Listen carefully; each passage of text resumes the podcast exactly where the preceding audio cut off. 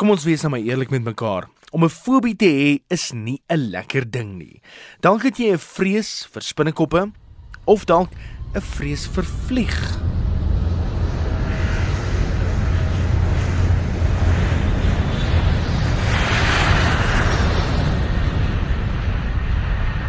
Een ding is verseker, eers in jou lewe gaan jy van aangesig tot aangesig kom met jou grootste vrees. En dis waar skyn werklikheid inkom.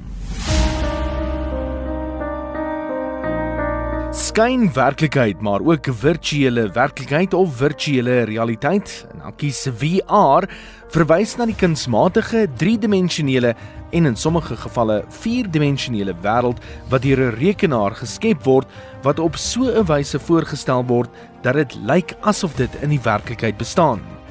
Die meeste skynwerklikheidsomgewings word vernaamlik visueel voorgestel, het sy deur 'n rekenaarskerm of deur 'n spesiale kopstuk wat deur miniatuurskerms 'n stereo sig kan skep.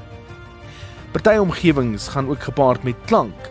Sou 'n persoon die kopstuk dra en rondbeweeg, beweeg die skynwêreld saam met hom of haar. 'n Data-handskoen stel die gebruiker ook in staat om byvoorbeeld nie bestaande werktuie te beheer, deure oop te maak en dies meer. Dit word onder meer by die opleiding van vlieëniers of ook valskermspringers gebruik.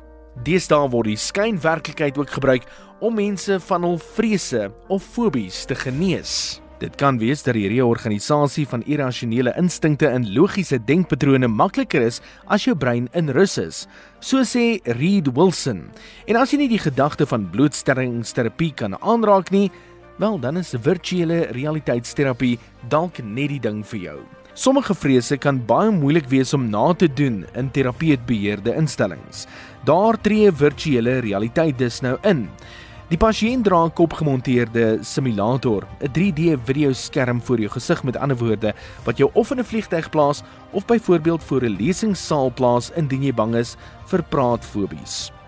'n Opgeleide terapeut gebruik dan 'n rekenaar om jou te monitor en sy of hy beheer wat jy sien en hoor en jou brein se reaksie op die skerm op dieselfde tyd as wat dit in die werklike scenario sou wees.